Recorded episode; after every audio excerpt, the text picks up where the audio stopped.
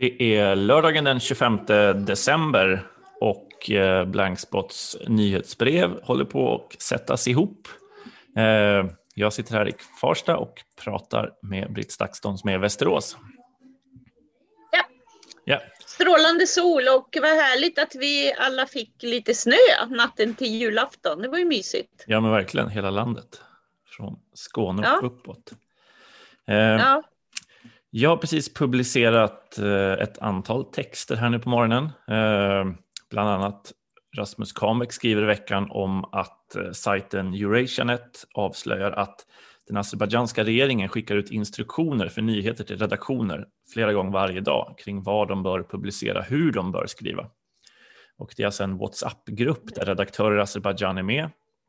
Och eh, där kommer då efter olika presidentmöten Eh, väldigt tydliga instruktioner med vilka delar man ska lyfta, eh, hur man ska formulera sig för att inte heller förolämpa något land eller liknande.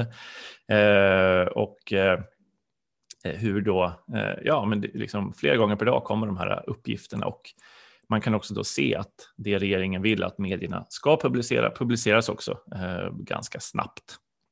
Och vi har ju ögonen på Azerbajdzjan sedan en, en lång tid och kanske allt mer intensivt sen vi kunde avslöja att eh, svenska journalister bjöds med på en bjudresa och flera av de statliga liksom, regeringsvänliga medierna finns ju också representerade i Sverige och var de som anordnar den här bjudresan. Så det ska ju också ses i perspektiv av, av det. Eh, och det är ju inte heller, vilket också Eurasianet skriver, ovanligt att regeringen lägger sig i medier och berättar vad de ska skriva och så vidare. Men det ovanliga här är ju den här systematiken, frekvensen och den oerhörda efterföljsamheten eh, bland medierna, att man verkligen gör som, som staten säger. Eh, så den finns att läsa på sajten. Eh, vi har också fortsatt att bevaka Qatar och kvinnorättsaktivisten kvinnorättsaktivisten Noufal Maded som ju det kom en uppgift om att hon hade mördats av sin familj i Qatar i veckan. Jag såg att Dagens Nyheter med flera skrev om det. Men nu är det familjemedlemmar som dementerar det här och säger att hon istället tvångsintagen på ett rättspsykiatriskt sjukhus. Och den här familjemedlemmen berättar anonymt för The Times också varför de här ryktena finns om att hon är död eller på sjukhus eller liknande och jämför det med att den här släkten är lite som en Game of Thrones-släkt i, i Qatar. Eh, Eh, att en ja, vad ska man säga, väldigt dysfunktionell eh, familj med en mördande konkurrens, konkurrens inom familjen med en familjedynamik som är toxisk som han säger till The Times. Eh, och vi har ju skrivit om Almadeds historia, hur hon har varit öppen med sin kamp för att flytta fram kvinnors rättigheter i Qatar, varför hon flyddes, men också de garantier hon fick för sin säkerhet innan hon återvände i höstas till Qatar. Men sen försvann hon ju spårlöst en vecka efter att hon har landat och på flera sociala medier så twittrar hon ju och berättar att hon inte kände sig säker. Eh, men som sagt, hoppfullt att hon då inte är är död utan att det finns andra uppgifter då, eh, om att hon är intagen på ett, ett rättspsykiatriskt sjukhus. Eh, och uppgiftslämnaren menar ju då att har, hon är absolut inte mentalt eh, drabbad på något sätt utan det är liksom ett politiskt beslut att låsa in henne där på grund av hennes kritik. Men det är ett ja, superintressant fall som ju också berättar någonting om, om Qatar som vi fortsätter att följa. Eh, vi har också eh, publicerat veckans, dag, ja, veckans dagbok eh, eh, där Mohammad skriver om hungern. Eh, alla i Kabul tänker på mat, skriver han. Och eh, hungersituationen nu i Venter verk, verkar ju vara fullständigt extrem eh, med miljoner som, som hungrar.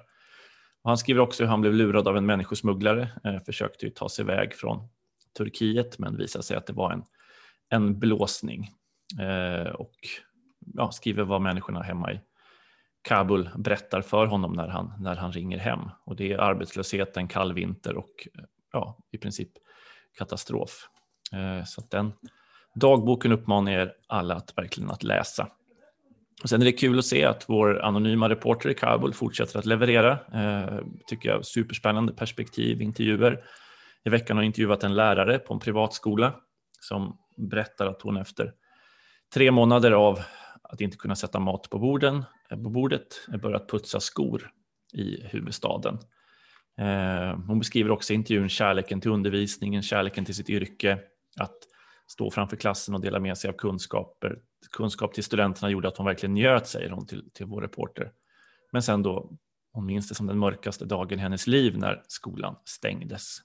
Och berättar också om hur hon blir bemött som skoputsare. När männen sätter upp sina fötter på min pall så säger de åt henne att borsta och tror att hon saknar både utbildning och man och barn och hon menar att det är förolämpande. Men hon sitter kvar timme ut och till, timme in och blir kallad för namn och trakasserad. Eh, ja, en Liksom blixt, blixtbelysning av, av situationen i Kabul och tillsammans med de andra texterna som hon har skrivit de sista månaderna om författare som tvingas sälja alla sina böcker, hela sitt privata bibliotek, barnmorskor som larmar. Så ja, nej, men verkligen en, eh, en, en humanitär katastrof som, som spelar upp sig framför våra ögon. Så det är delar av veckans nyhetsbrev. Det finns ju också mycket mer i det som kommer. Ja, jag satt här Britt och tittade på eh, den här årstext. Vad har lästs under året? Vad har vi publicerat under året? Det är ju alltid en bra tid att liksom samla, eh, samla tankarna. Och det visar sig att överlägset mest läst i år är din text om eh, eh, ska vi se här, eh, när Cissi Wallin tar avstånd från sitt tidigare näthatande. Det är väl ganska symptomatiskt att det är den mest lästa, klickade, delade texten. Eh, du var inte så imponerad av den avbönen och skrev en, en längre text, text om det. Eh, vad tänker du ja, om vad, var det, vad, var, vad var rubriken på den artikeln? Eh, dan, dan, dan. Krokodiltårar som är svåra att tro på. Exakt. Mm. Alltså det var ju lite magstarkt att eh, eh, liksom se den här klackvändningen som, som görs när man också systematiskt, det är ju inte bara så att man har varit en person som har befunnit sig i, i sammanhang där det har funnits häftiga diskussioner och svartvita debatter, utan det var ju en gjord av en person som varit så extremt inte bara drivande utan initierande själv också och som skoningslöst plockat upp och attackerat och tagit saker ur sitt sammanhang. Och det är så intressant att se och också reflektera över sin jag menar, vad, vadå? Förlåtelse, förändring, eh, man kommer till insikter. Alla de där aspekterna är ju solklara och är en del av en utveckling. Men det är intressant att se vad man förväntar sig i en sån process. Liksom att, eh, jag, jag, skulle ju skriva samma text idag, att det där gör man inte från en dag till en annan. Inte om man själv har varit med och ändå agerat eh, som man har gjort på, på, en, på en nivå som ju nästan har varit eh, svår att titta på för att man upplevt det lite som en tågkrasch på något sätt. Att, att eh, man ser att det är ju inte, det här är ju ett allmänt fenomen kring hat och hot eller vara med i polariserade diskussioner, att man lätt dras in och man blir en persona på nätet och som man fortsätter att leva och som också tar sig uttryck eh, i alla möjliga lägen. Man kan se två harmlösa samtal mellan två personer, men det är kanske en av personerna eller båda har man synpunkter på från andra konflikter och då vill man ifrågasätta att de här är en samtalar med varandra. Och att allt det här är ju synligt online och att följa den typen av agerande under lång tid eh, ger ju en bild av, av nätets eh, också eh, Ehm, problematik, att vi ändå i grunden kan förstärka delar av ett, eh, en personlighet som vi, som ju också var lite av då de insikter Cissi Wallin hade kommit till. Men sen såg man ju ganska snart att det fanns ju liksom samma tendenser finns ju fast kring, kring andra frågor då, eller från en annan vinkel och så. Så det är nog ändå en, en eh, tidstypisk eh, nätutvecklingstext liksom, som, som går att generalisera bortom eh, Cissi Wallin i sig, liksom, utan att det är en summering av eh, ett fenomen vi ser, både avböns problematiken men också hur eh, ja, vilken persona man blir, att det blir vanligare med reflektioner runt det. Eh, och sen samtidigt ser vi ju fortsatt väldigt mycket svartvita diskussioner Eh, på nätet. Det här är väl något som vi kommer fortsätta samtala om och förhålla oss till och även till, till kommande valet. Eh, redan den här senaste veckan har jag intervjuats vid två tillfällen om just sociala medier och valrörelsen 2022 det är klart att det kommer vara in, intressant att se. Den ena intervjun var initierad i relation till att Novus har gjort en undersökning om var man får information om vad partierna vill. Och där är ju fortfarande traditionella medier som, som dominerar, eh, men sociala medier kommer på tredje plats. Och så nedbrutet på vissa län så sköt ju de där siffrorna kanske upp så att det kom på andra plats i alla fall. Betyder det att unga bara Eh, får politisk information kring sociala medier var mycket det intervjuerna handlade om. Men, men eh, där kommer vi ju se mer av det där som ändå syntes i en opinionsbildares avbön på något sätt. Det kommer fortfarande vara ett ganska uppskruvat tonläge, eh, planterade skeenden som får stor uppmärksamhet i sociala medier och eller traditionella medier och, och så vidare. Så att, eh, ja, det, men eh, otroligt ändå och lite sorgligt ändå Martin att det där är den mm. mest lästa texten. Det måste jag ändå säga. Och så, det där är ju lite ser text. Ut, ja, men så ser det ut hos Expressen också och så ser det ut hos, hos de flesta ja. medier, när de tittar på årsstatistiken. Att vad är det som, vad är det som blir, blir läst? Och jag tänker alla Eh, ja, men skribenter vet ju så här, ja, jag kan skriva någonting om ett ämne som är hårt debatterat på Twitter så kommer det bli hårt läst och, och delat. Eller så skriver man om någonting eget bortom det och då kommer det inte att bli läst och inte delat. Det finns Vi ju någonting i den torktumlaren. Ja, ja. ja, Eh. Alltså att vara en sån liten aktör. Och att då kan man ju, och varje gång, alltså ärligt talat, jag skäms varje gång jag skriver en sån text. Men den där var ju du mycket som puffade mm, mig till, mm, du mm, måste skriva den här. Det här mm. säger du jämt, du är på de här sakerna långt före alla andra. Det här är vad du har sagt i flera års tid mm, mm. och så vidare. Och, och då, ja man säger ju själv ändå, det är ändå bra ibland att göra den här typen av, eh, det blir något slags bokslutstexter där man liksom summerar allt man har sett i något sammanhang. Men jag tycker att det är så lite, det är jättejobbigt att det blir något av det mest lästa eh, hos oss och, och sätter ju fingret på det här hur vi får, ja det där är ju något man får kämpa med. Eh, ja, vill vi ha mer läsare så är det den vägen man ska gå. Ja, det är ju lite jobbigt alltså, det måste jag ju säga då kommer vi ju göra samma sak som alla andra hela tiden mm, på mm. något sätt. Mm. Det spelar ingen roll att jag är först av alla, men vad då? Man är med i den där gyttjeströmmen av texter som alla kommer vara likadana. Då tycker jag nästan inte spelar någon roll om man skriver den första eller den 27 på samma tematik. Nej, nej. Nej, men det är, ja. inte, eh, det är inte bara så att säga eh, det handlar om hur man skriver texten också. Det är väl det som vi får försöka göra. Alltså absolut skriva om sånt som är debatterat, ja. men med en egen vinkel och ett eget take. Och det har ju verkligen din text ja. om. Om den avbönen. Och det är väl därför den blev så delad också. För att här kom mm. man med en annan infallsvinkel. Det är inte heller så att oh, vi skriver om, eh, vad vet jag, kriminalitet så, så blir vi jättelästa. Alltså det, Nej. Nej, det är sant. Det, ska ju till ett hantverk också för att få det att flyga och delas och så vidare. Eh, så är det ju, så är det ju fortfarande. Men ja, intressant eh, att den toppar. Eh, andra plats är ju, ja, jag tror det, den har sin förklaring sista dagarna faktiskt, att det hände något med den här eh, Taube, Evert Taube-dokumentären som gick. Eh, och det gjorde att den fick en otrolig skjuts, den här ja, flera, flera år gamla eh, texten och reportaget om myten om Bluebirds eh, förlisning. Eh, som är så ja, men ge oss evergreen. en liten recap på den. Ja, det är en fantastisk ja. evergreen text. Ja. ja. Nej, men den började ju som en... Eh, eh, när jag studerade på JMK så, så, skulle vi göra en musik... Eh, ja, men jag hade sett på de här musikdokumentärerna på SVT, eller på radion tror jag. Det var en musikdokumentär om David Bowie och så där man tittade på.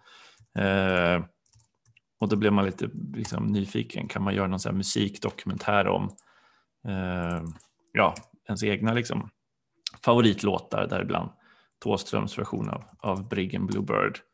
Eh, och ja, men började bryta ner den och, och, försöka se vad hände egentligen julafton 1872 när den här briggen förlyste utanför Smögen med nedisad rigg dömd att bli vrak så krossades fartyget mot den bohuslänska graniten.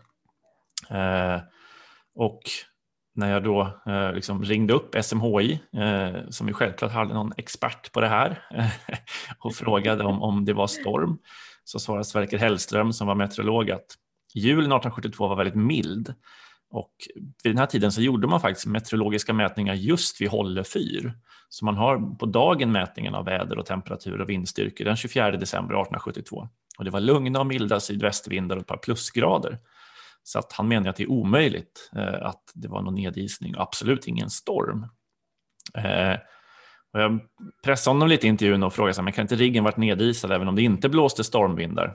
Och han menar nej, nej, vindriktningen var fel. Eh, med en måttlig sydvästlig på västkusten är det ingen risk för nedisning. För nedisning krävs att det blåser kallt från land och då behövs det ost eller nordostlig vind. Eh, men det var jättekul att på något sätt eh, jaga det här spökskeppet i eh, i arkiven och, och, och rullorna. Eh, och då finns det också på Generaltullstyrelsens arkiv på Riksarkivet i Stockholm så kan man ju beställa fram då förlisningarna eh, år 1872-1871. Och eh, då hittar man faktiskt Briggen Bluebird, eh, men då står det att den var bärgad utanför Tryggö. Så att allt det här med nedisade segel och tragedi och storm och den fastsurrade hjälten Karl Stranne och allting, ingenting av det där finns ju i de formella arkiven. Eh, och då börjar man fundera, sig, men herregud, var inte ens Karl Stranne sann? Eh, och då minns jag att man ringde till eh, Karl Stranne, tittade på Stranne på hitta.se och hittade en massa Stranne i Smögen. Det var liksom flera hundra som hette Stranne i Smögen. Eh, men eh, hittade då eh, Karl Strannes släktingar och de menade att Karl har aldrig varit på sjön. Eh, han fanns, men han var krymplig med klumpfot, hade aldrig varit i sjöss. Eh, och eh, ja, sen, sen vet du, tog också en av mina klasskamrater eh, granskningen eh, vad heter det, vidare och gjorde praktik på tidningen Bohuslänningen. För hon träffade då Bertil Abrahamsson som har skrivit Sotenäs skeppsbrottets kust. Och då kunde liksom, han berätta då att några timmar efter att Bluebird räddades så hamnade det engelska skeppet Nymf i sjönöd och kaptenen på skeppet Nymf hade spolats över bord en dag tidigare och besättningen visste inte vad de skulle göra. De släppte ner två ankare som trasslade in sig i varandra och då surrade de en man vid rodret för att stå kvar om det kom en stormvåg akterifrån. Men några pojkar från Smögen kom ut och lyckades rädda besättningen. Och de här engelsmännen var så pass chockade eh, och eh, förstod att de hade glömt pojken, som de hade, eller besättningsmannen som de hade surrat Eh, Eh, ombord. Men han hade lyckats skära sig loss och klättrat upp i förmasten och sen slungats upp i en vattenfylld klippskreva som än idag kallas för Engelsmansklyftan och ligger på Sandö vid Smögen. Eh, så ja, men det fanns eh, verkligen eh, det var ett, ett hoppusslande av erfarenheter som ledde fram till den här texten om, om briggen Bluebird. Och ja, en dramatik som ju eh, ställde samman. Och lyrik är väl liksom att just förhöja verkligheten och det är inte så att man kritiserar Taube för att ha hittat på det här. Han har väl aldrig påstått att det var riktigt sant heller. Eh, men ja, det här är en text som varje, kring, varje julafton blir väldigt läst och delad. Men i år extra mycket så tror jag för att Taube-dokumentären kom nu precis veckan innan jul. Just, jag har inte just. sett den så jag vet inte om just Briggen togs upp där. Men då börjar folk Nej, det får vi kolla. och dela. Eh, så att ja, sen har det kommit mer, alltså varje gång också den börjar snurra kring jul så eh, får man ju tips om nyare forskning och det har kommit mycket mer forskning sen jag gjorde det här jobbet 2006. Eh, det är ändå herrans massa år sedan. Det är väldigt eh, roligt. Ja. Väldigt roligt. Ja. Eh, ja. Den brukar vara liksom på... Ja, ja. Det är roligt i mixen av artiklar av annat, från oss som är mest lästa. Ja. Men jag tror folk uppskattar också så här, granskning av någonting som, som inte är att använda ja. journalistikens verktyg för att bena i musikhistorien. Eh, är också spännande, något som ja, många har en relation till och, ja. vill, veta, vill veta mer om. Eh, ja, eh, den har vi i topp. Sen har vi en av mina liksom, favoriter från i år som också var en sån här text som jag sa, det här måste du skriva om Britt, för du höll på att gå loss på det på kontoret. När Kavla upp-kampanjen affischerade hela Stockholm. Det var väl i somras ja, någon gång va? Hela kommunikationsbranschen hade gått ihop ja. eh, och skulle nu uppmana alla att, att, att vaccinera sig. Eh, och du skrev en artikel som heter Kommunikationsbranschen skjuter samhällsinformation om vaccin i sank. Den rubriken höll vi på mycket med, kommer jag ihåg. Det var Jonathan som till slut satte den där, eh, tror jag, som också fick det, fick det att flyga.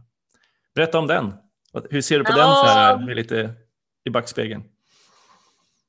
Ja, alltså var, dels så kom den ju i ett skede där man ändå såg att vaccinationen tuffar på enligt förväntad folk, svensk folkhälsologik. Liksom. Hur gärna vi än vill tro att alla globala trender och särskilt från USA anammas direkt i Sverige, det vill säga att vi kommer ha en, en, en, en otroligt aktiv ehm, eh, och ehm, samma situation som, som i USA där det ju för varje dag blir ju bara mer och mer politiserat och ehm, ända sedan maj har ju klyftan bara blivit större mellan vilka som vaccinerar sig och inte vaccinerar sig. Liksom.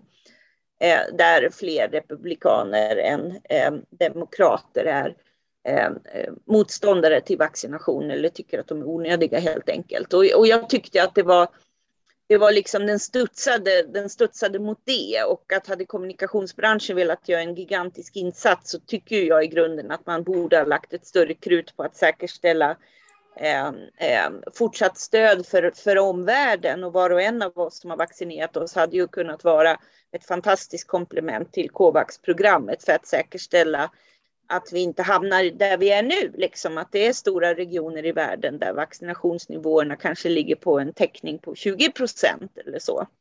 Det där dras vi ju med fortfarande och, och så kommer man med en kampanj som jag väl också tänker mig att vara tänkt att riktad mot den typen av områden där det, eh, av, eh, eh, liksom, där det finns eh, där man ser en lägre vaccinationstäckning och som man har eh, identifierat har att göra med brist på information och brist på information eh, på, eh, eh på, på, språk eh, som eh, och, och, kanske liksom och, och, då att då göra en kampanj med massa kändisar. Och som dessutom tycker jag ju bara rent gestaltningsmässigt att det såg så icke trovärdigt ut när man rullar upp skjortorna för att vara lite snygga. Mm, liksom. Det ser inte alls ut så som det ser ut i vaccinationsläget. Bara det tycker jag var så eh, uselt hantverk. Liksom. Utan det var me, myself and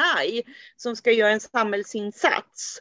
Eh, med, med, fokus och, och den största vinsten för alla inblandade var väl de tjusiga fotografierna de får på sig själva.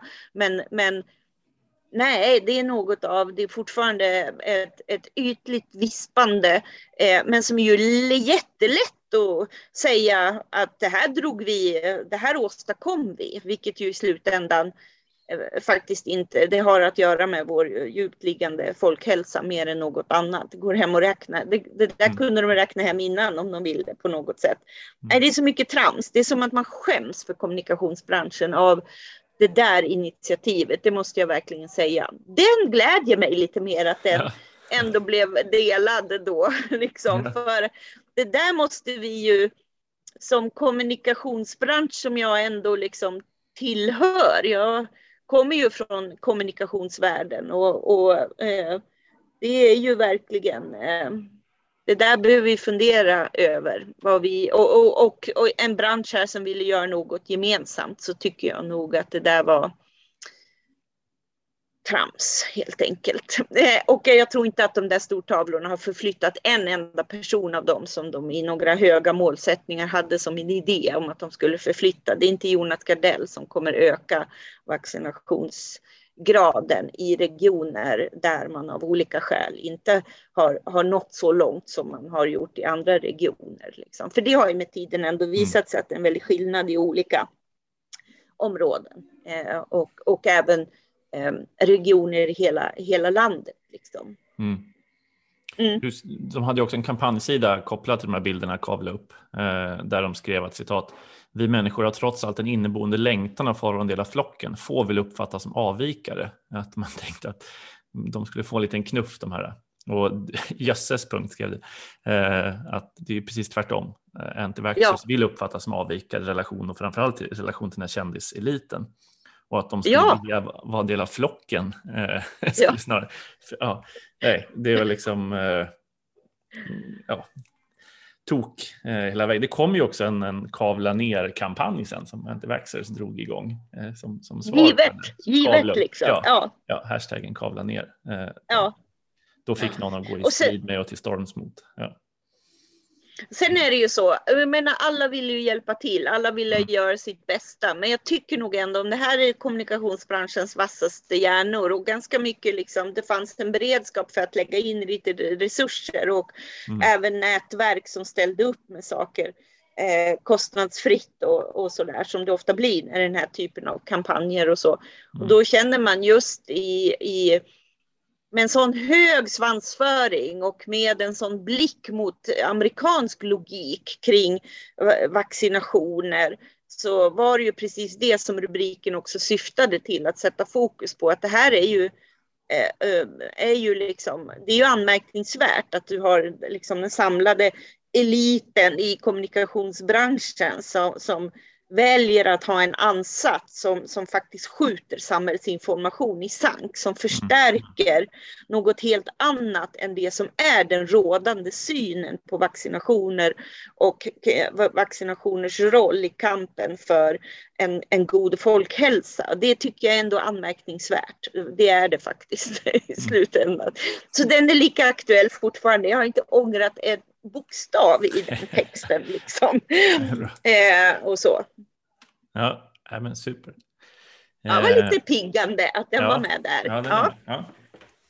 Eh, sen har vi också i topp, eh, toppen mest läst delat i år, eh, Rasmus Kahnbäcks granskningar av bjudresorna till Azerbajdzjan eh, och framförallt en text som då skrevs 31 oktober i år om den andra gruppen svenska journalister som åkte på plats.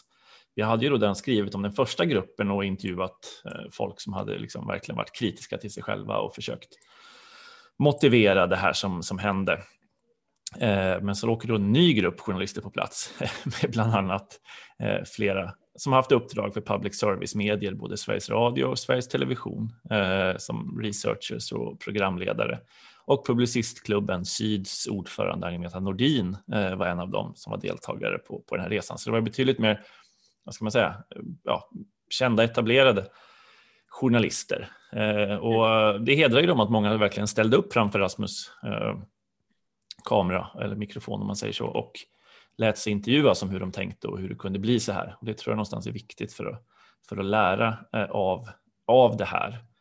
Eh, och Rasmus Kahnbäcks poäng är ju att man kan säga mycket som helst om att nej, men jag, det fanns inget krav på att skriva någonting eller jag är minsann kritisk och jag är initierad, kunnig journalist. Att bara genom att de kliver av flygplanet och, och, och är med på den här resan så har Azerbajdzjan vunnit. Alltså det handlar inte om vad de skriver i svensk press, det är fullständigt irrelevant. Det handlar om vad som visas upp i den inhemska propagandan till de egna medborgarna. Titta, här är ja. utländska journalister på plats och har de här viktiga mötena och skakar hand och det är gruppbilder och det, det, det är liksom det som är målet med att de bjuds in.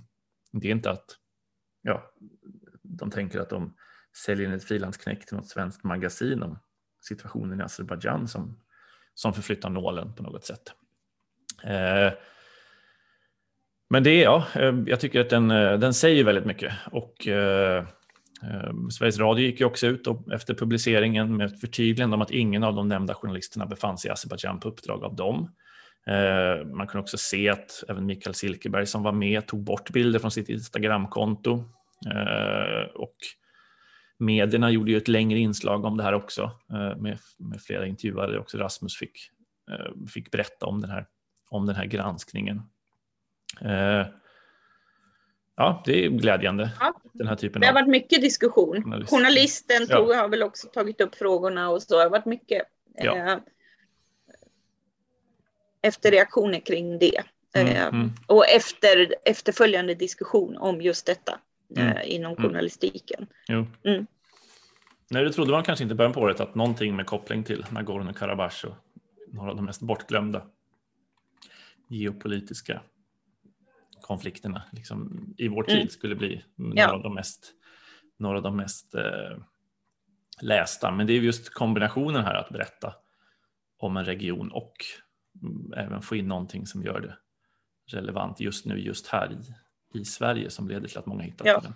Och också hittade till Rasmus Kahnbäcks otroligt initierade journalistik under hela året kring ja, eh, utvecklingen fram och tillbaka mellan Armenien och Azerbajdzjan och vad som händer i Nagorno-Karabach. Och nu har vi också Irina som blir en i den här kategorin röster på sajten som skriver om vardagslivet i, i den här liksom, regionen.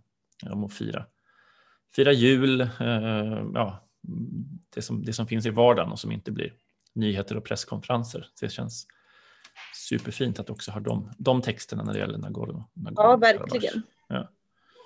Eh, och vi har väl bara i år skrivit ett 30-tal texter ser jag här just om, om Nagorno-Karabach. Eh, Mm. Så det är spännande och spännande också att granskande, grävande journalistik är det som blir något av det mest lästa. Eh, Ja. Done, done. Sen har vi också en eh, text som skrevs av en väldigt duktig praktikant eh, som vi hade. Eh, som eh, har rubriken EPA-traktorn, ett tonårsrum på hjul som ligger bakom både glädje och konflikter. Eh, tar sig in som det mest lästa renodlade Sverige-reportaget. Också fint i Mm, mixen. jag där, påminner sig om det, lästa. ja. ja, ja. Ta fram den här. Se. Och påminnelse om eh, eh, verkliga Sverige eh, Mm. och att fortsätta göra eh, Mm. eh, den typen av, eh, det vi ville med verkliga Sverige var ju mycket att eh, ge en bild av hur allt det här som eh, gärna beskrivs som väldigt polariserat och svartvitt också. I, i verkligheten träffas och möts folk och eh, hur lär man sig saker och hur engagerar man sig i olika saker? Och ville bland annat titta på olika subkulturer eller så. Så det var ju kul att eh, han valde att skriva om eh, EPA-traktorerna där och det är ju en fråga som engagerar. Ja. Det vet man ju också. Ja, det delade ju läsarna i två läger. Liksom. Eh, Ja. Många fann oh, intressant kultur uppskattade reportaget och andra rasat, rasade liksom över krossade rutor och större musik. Eh, det Ja. otroligt mycket reaktioner, får man säga. Ja. Eh, och eh, ja, om bilarnas skick, är de trafikfara eller inte, liksom andras liv, hur fort får de gå? Ja, men det fanns verkligen de som hatar, de som älskar eh, eper och eh, att man inte alls får kalla dem skrothögar. De är skapliga och eh, ganska väl underhållna. Eh, och eh, ja, men mycket om lagstiftning och idéer och jämförelser med EU-mopedbilar eh, och eh, fick in flera idéer också att man tycker vi borde göra en coffee table-bok med, med EPA-traktorer. Eh, undersöka kopplingen mellan EPA-kulturen och raggarkulturen. Eh, Eh, ja, men lite, jag trodde inte att det skulle finnas det otroliga engagemanget eh, kring EPA-traktorn. Eh, ja, allt från ja, men mycket mejl ett grymt reportage till liksom, ja, eh, hatet, EPA-hatet. Ja. Eh, ja. Så att, ja, men ja, det, det sparar den ju också. Ja, Att Mycket bra. ha med det på, på radarn. Eh, sen har vi också något av det mest lästa, det är vår demokrati, vårt demokratimaterial om pandemins påverkan på demokratin som ju Ja. eh, har mm, publicerats och gått ut under året och blivit en utställning som har varit runt på eh, skolor och bibliotek och kulturhus. Men det är glädjande. Det är ju en Mm. fråga, alltså kopplat till, till valet och allt. Det handlar ju mycket om det vi valde att lägga blickarna på, att fortsätta titta på demokratiutvecklingen i, i, i ljuset av, av eh, pandemin. Och det där det kommer ju fortfarande eh, dagligen eh, rapporter och, om det, men också kopplat till vår kommande valrörelser och andra så är det en fråga som kommer den, den kommer ju fortsätta vara aktuellt och det är väldigt kul att det har funnits ett så stort intresse eh, under året för det. Och det, det är så, det är så komplext, det hänger ihop med alla andra eh, rättvisefrågor och eh, det som man har diskuterat långt före pandemin. Mm. Eh, I veckan så var jag, eh, kom det avsnitt där jag är med i podcasten eh, Fannys förebilder och där pratar jag bland annat om just om digitaliseringen ökar jämlikheten mellan könen globalt sett sådär. Mm, mm. Och, och eh, då, då är det ju, finns ju en spännande studie som gjordes för ett år sedan av den stiftelsen som eh, eh Tim Berners-Lee, grundaren till webben, eh, eh är inblandad i Web Foundation. Och de har ju intervjuat 10 000 kvinnor och män i fyra länder, Colombia, Ghana, Indonesien och Uganda. Mm. Eh, och, och i ett perspektiv där man kanske tror att digitaliseringen är ju liksom en teknik som är jämlik på något sätt och så där. Men det är klart att alla de strukturer som finns runt omkring tar vi med oss. Mm. Eh, och, och då i den här, även om man generellt är det ju så att män är 21 procent mer benägna att vara online än kvinnor, globalt utslaget. Och tittar man då på, på de, mest, de, de minst uh, länder i syd, så att säga, då är det 52 procent Eh, de, eh, männen som är starkare online och, och just engagera sig mer i eh, sociala frågor och även demokratiutvecklande frågor och även business, alltså att skapa egna möjligheter till försörjning i mycket större utsträckning. Så där är ju en problematik. Det, det, det gapet kommer kvarstå om man inte lägger in utbildningsresurser. För det kvinnor säger, ja, det är, hat och hot är en del. Sen är det förstås synen på kvinnor generellt. Det är en återspegling av vad kvinnor har för möjligheter offline. Mm. Om man inte har det, på samma sätt så är det klart att det inte suddas ut bara för att man har tillgång till, till eh, eh, tekniken. Liksom. Mm. Och idag är inte det stora problemet tillgången till, det är mer utslaget eller det går att hitta vägar att få tillgång till, men frågan är vad man gör. Och men det de också säger är att de behöver stärkas i att få kunskap till. Så det är både hat och hotperspektivet och mer utsatta online, precis som de är offline men också att få kunskap till. Och jag tycker nog att hela vår, att beskriva demokratiprocesser i, i, i, i skenet av också pandemin över har, har det, det, ger intressanta inspel till, till allt det här. För där under har ju också digitaliseringen och tillgången till internet varit väldigt betydelsefull till exempel. Mm. Så mycket samspelande eh, saker som man har kunnat titta på på nya sätt. Eh, och inte på det vanliga sättet som vi diskuterar allt runt. Så jag tycker det här ska bli spännande att fortsätta med eh, mm. framöver också. Mm. Ja, verkligen. Kul, eh, det, kul att det, det finns också, ett stort intresse. Ja, och också kul någonstans. Det var ju jag menar, ett beslut vi tog för en tid sedan kring pandemin. Men vad gör vi? Vad blir vår roll i det här? Jo, demokrati, pandemins effekter på demokratin och inte bara i Sverige då, utan runt om i världen. Och eh, ja, sen dess har ju flera också kommit in på den banan. Eh, men det känns superkul att ha.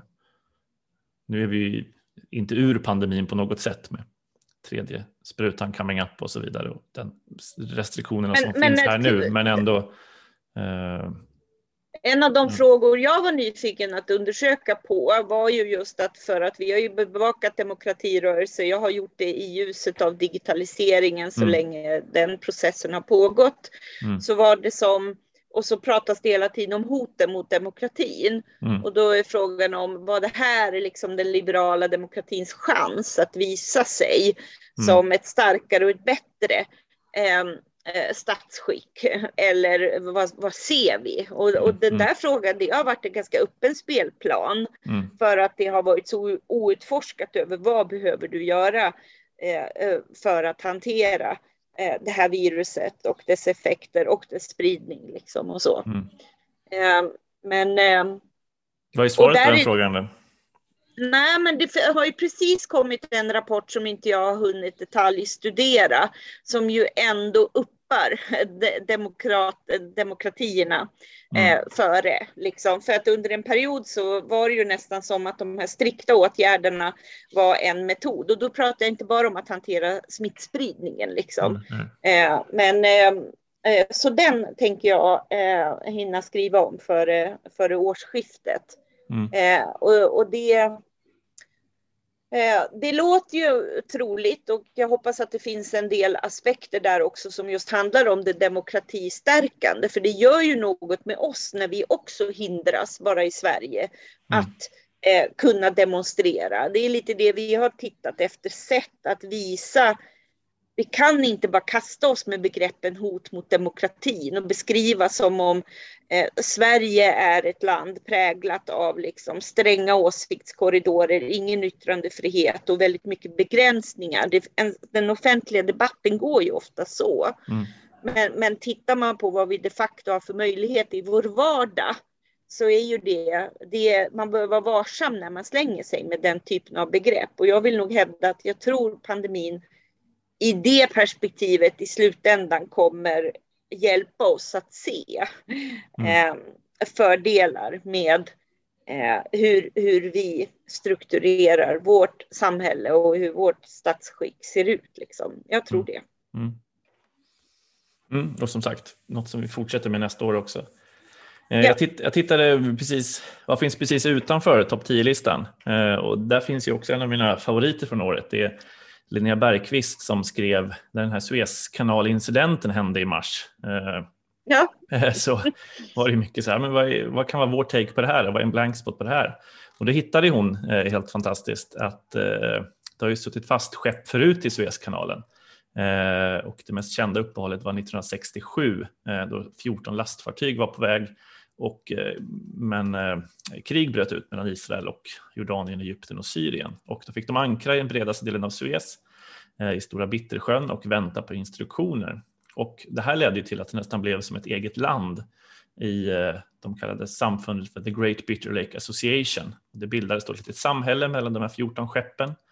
Eh, de hade det polska fartyget, blev postkontor, det brittiska var värd för fotbollsmatcher och varje söndag gick man på den tyska båten för gudstjänst och 68 hölls man också en egen version av de olympiska spelen ombord på de här båtarna. Och två båtar var svenska, MS Klara eh, som hade en pool på skeppet eh, och eh, här var en av eh, kaptenen skrev en bok om det här eh, 2006 eh, om, om den här tiden. Eh, så att, ja, men så helt otrolig historia som eh, de beskriver att de gick liksom från norska båtar och drack norsk öl, sen tjeckoslovakisk öl, bulgariskt vin och, liksom. eh, och alla flaskor kastade man i kanalen så man skojar mycket om att eh, det var 35 meter av kanalen som var vatten och 5 meter var flaskor nu av den här eh, breda, breda kanalen. Eh, men det var ju liksom, ja, en helt otrolig eh, historia eh, om, de här, om de här båtarna. Så att, ja, men det var ja, kul. Att den, och det var också lite en FAQ den här texten om vad hände med handeln när skeppen satt fast och varför är kanalen så viktig och kanalens historia eh, och så vidare. Som Linnea Bergqvist sammanställde. Det inspirerar också kring så här, ja men okej, här har vi en nyhetshändelse. Vad kan vi komma med? Backa upp med faktahistorik och, som inte handlar ja. om att nyhetsbevaka händelsen utan tvärtom kanske. Backa bandet istället. Eh, det är roligt att den också blev så otroligt läst. Och Linnea ligger bakom, eh, under hela året så är det ju hon som har eh, oftast skrivit de här väldigt aktuella eh, valguiderna. Mm, det är ju mm. lite samma sak där, att skriva i förväg om Mm. Eh, vad, hur är läget inför det här kommande valet? Och eh, mm. det är ju mm. dessutom också eh, väldigt enkelt då att lite senare, också när liksom inte alla skriver om om det som händer bortom valutgången. Att då mm. kunna följa den fortsatta utvecklingen. Mm. Eh, och de eh, ligger ju små puttrar och är också väldigt eh, uppskattade och så. Så det, det har varit kul under året. Mm. Ja men verkligen. Mm.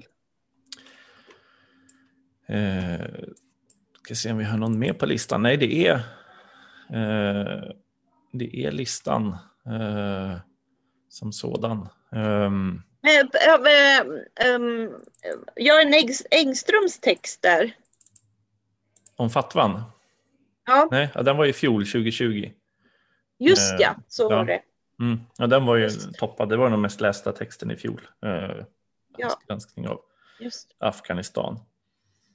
Mm. Uh, och ja, tittar, man, tittar man längre tillbaka så har det varit framförallt 2017-2018 Afghanistan-texter som var de mest lästa. Då var ju den frågan väldigt, väldigt kokande i Sverige. Eh, mm. Mm. På ett sätt som, även om vi fortsätter bevaka dem nu så är det inte samma kokande gryta som det var då. Eh, men något som kokar mer och mer, en sån gryta är ju Qatar-grytan. Eh, jag är med ja. i dagens avsnitt av, av medierna, inte hunnit lyssna än på det. Eh, men om just vårt, vår satsning på att berätta om människorna bakom statistiken, om de som omkommer i Qatar och de effekterna som det får för, för hemländerna är ju något som vi kommer börja publicera under nästa år.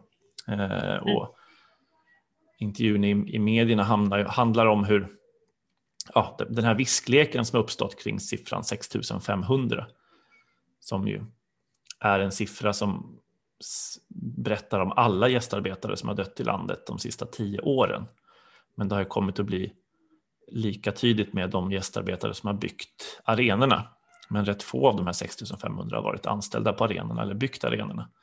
Utan det är ja, en mängd olika dödsorsaker på en mängd olika platser i, i landet. Eh, så det är väl ett sätt att ja, försöka komplicera det här liksom, narrativet och Qatarbärsningen. Delvis med rätta, delvis eh, av en medielogik, mediologiska skäl som, som, som uppstår. Så mm. det resonerar jag lite om i medierna. Eh, ja. Done, done. Vad tror du om nästa år då, Britt? Valår, som sagt. Ja, valåret var vi ju lite inne på, mm. och, och, sociala medier och desinformation. Allt det där kommer ju mm. vara eh, fortsatt eh, angeläget. Jag är fortfarande lite bekymrad över att eh, medier är lite, medier generellt, liksom eh, så lätt ramlar i, i fällan och hoppas att man har en hög, hög vaksamhet för det liksom i, mm. eh, i, med den typen av journalistik som inte vi gör liksom, men, men i det här dagliga med politiska utspel, planterade händelser och skeenden och eh, gamla saker som dyker upp plötsligt mm, mm. och att man ser till att besinna sig lite och göra det journalistiken är bäst på, att gå till botten med saker och inte Alltså man förnekar ju så väldigt att de här lite vinklarna kring saker och ting görs för att driva läsare, för man tycker sig vara förbi klickjakten liksom. Men nog 17 mm. ser man det dagligdags liksom. Eh, mm i sin enkelhet bara när SVT aviserar fem minuters förändring av Kalle Anka så är man ju inte man är ju inte övertydlig kring saker och ting för man vet att det där kommer att snurra runt mm, liksom mm. på något sätt och så. Och det där tror jag, det kan man väl hålla på och skoja med om det gäller Kalle Anka. Jag kanske inte tycker jag inte ens det, men fine. Men när det handlar om politiska frågor i samband med ett val så hoppas jag att man verkligen eh, skärper till sig lite och så. Sen har jag ju fått mycket frågor på den här tiden av året om liksom så här, digitala spaningar inför nästa år. Och, och jag vet inte, jag tycker vi har tillräckligt mycket med att hantera det vi gör nu. Den här förstärkta verkligheten kan ju vara digital också. Mm, mm. eh, och eh, kommer det slå igenom hela metaverse apropå Facebooks byte till företagsnamnet Meta på, mm. på company, företagsnivå så. Men eh, jag tror att det där ligger längre, längre bort fortfarande. Det är fortfarande för mycket eh, second the world eh, känsla runt mycket av det där. Mm. Liksom. Och eh, just också i skenet av och fortfarande effekterna utav alldeles för mycket spenderad tid online. Det vi längtar mer över är ju att kunna ses än mm, att mm. ha eh, förstärkta verkligheter. Det, det kommer ändå också spela sin roll i relation till det. Men däremot kommer det ju finnas mycket kul runt det och jag tycker det är intressant att se hur TikTok verkar bara ha exploderat i att det plötsligt är det viktigaste kulturskribenter kan lägga sin blick på eller så och, mm, och komma mm. med smarta sägningar om hur mycket TikTok används. Det, eh, men det säger ju ändå något när det till och med når de kretsarna på något mm, sätt. Mm. Så att... Såg du Islands Men i övrigt, reklamfilm? same same. Ja. Såg Vad du sa du? Islands reklamfilm med tanke på metaverse? De hade ju, Nej, Island nej. gjorde en fantastisk, det måste, ja, de gjorde ju en otrolig film om liksom, verkligheten. Var det ett lyckat exempel? Nej, ja, blev- de, drev, de drev ju med hela liksom, genren. Ah, okej. ja, här finns okej. allt detta. Ja. Verkliga geysrar och berg. Och, liksom, Jag fattar, mossar. fattar. Ja, men, men Ja. otroligt vacker. Ja. Inspelad. Eh, ja. Eh, ja, Ja. Men vad tror du då? Ja, men lite kopplat till Qatar-spaningar Ja. så är det väl ändå att de här eh, att jag tror ju verkligen att eh, eh, vi pratade ju om det sist eh, lite, eh, alltså den här fortsatta aktiviströrelsens prägling på saker och ting liksom kommer vi, Mm, det mm. kommer ju det är ju fortfarande ett sätt. Det är ju den nya opinionsbildningen på något sätt och som kan eh, med lätthet med hjälp av digital teknik bara explodera saker och ting, skeenden, händelser och inte bara kopplat till ett fotbolls-VM eller till eh, eh, maktmissbruk och eh, eh, rasism i, i USA. Eh, Mm. Mest med George Floyd som det sista liksom. Som, som fick det att explodera fullständigt över hela världen. Alltså Mm. allt, allt det här kopplat till olika former av just eh, orättvisor eh, mm, mm, är, ju, är ju verkligen mer integrerat idag på ett Mm. sätt som ett redskap för förändring som, som ligger lite lågt och bubblar hela tiden. Mm. ja verkligen. Eh, nej, jag tycker man har så fullt upp med året som pågår. det är så svårt att blicka framåt. Ja, dessutom så har ju du de, suttit eh, här och planlagt din eh, detalj eh, eh, planering för ja, men bland annat Qatar och så. Ja, så ja. då är det svårt att lyfta blicken bortom det. Men Ja. eh, sen tror jag att eh, man ska inte heller underskatta effekten av att känna att man är tillbaka till till ruta ett på alla sätt och vis precis före jul Mm. gör att det är nog ganska bra med den här pausen. Folk, folk behöver det. Mm. Eh, jag märkte ju att allt som var inbokat för nästa år avbokades före jul Mm. igen. Och det är ju Mm. ett scenario som var precis när pandemin började. Mm. Eh, och, och det tror jag i kombination med kanske juletid, folk är ofta eh, mer ensamma än vad vi tror och så. Jag tror det är ganska tunga saker för väldigt Mm, många mm, människor. mm. Eh, så det, det kommer nog också påverka eh, framåt liksom. Eh, att ha knuffats tillbaka ett par steg där. Mm. Mm. Mm. Ja, men verkligen. verkligen.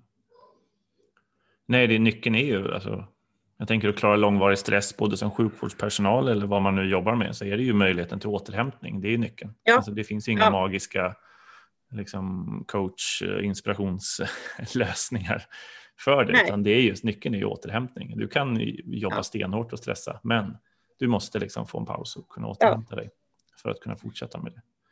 Eh, Ja, så får, ni som lyssnar, gör det i jul här.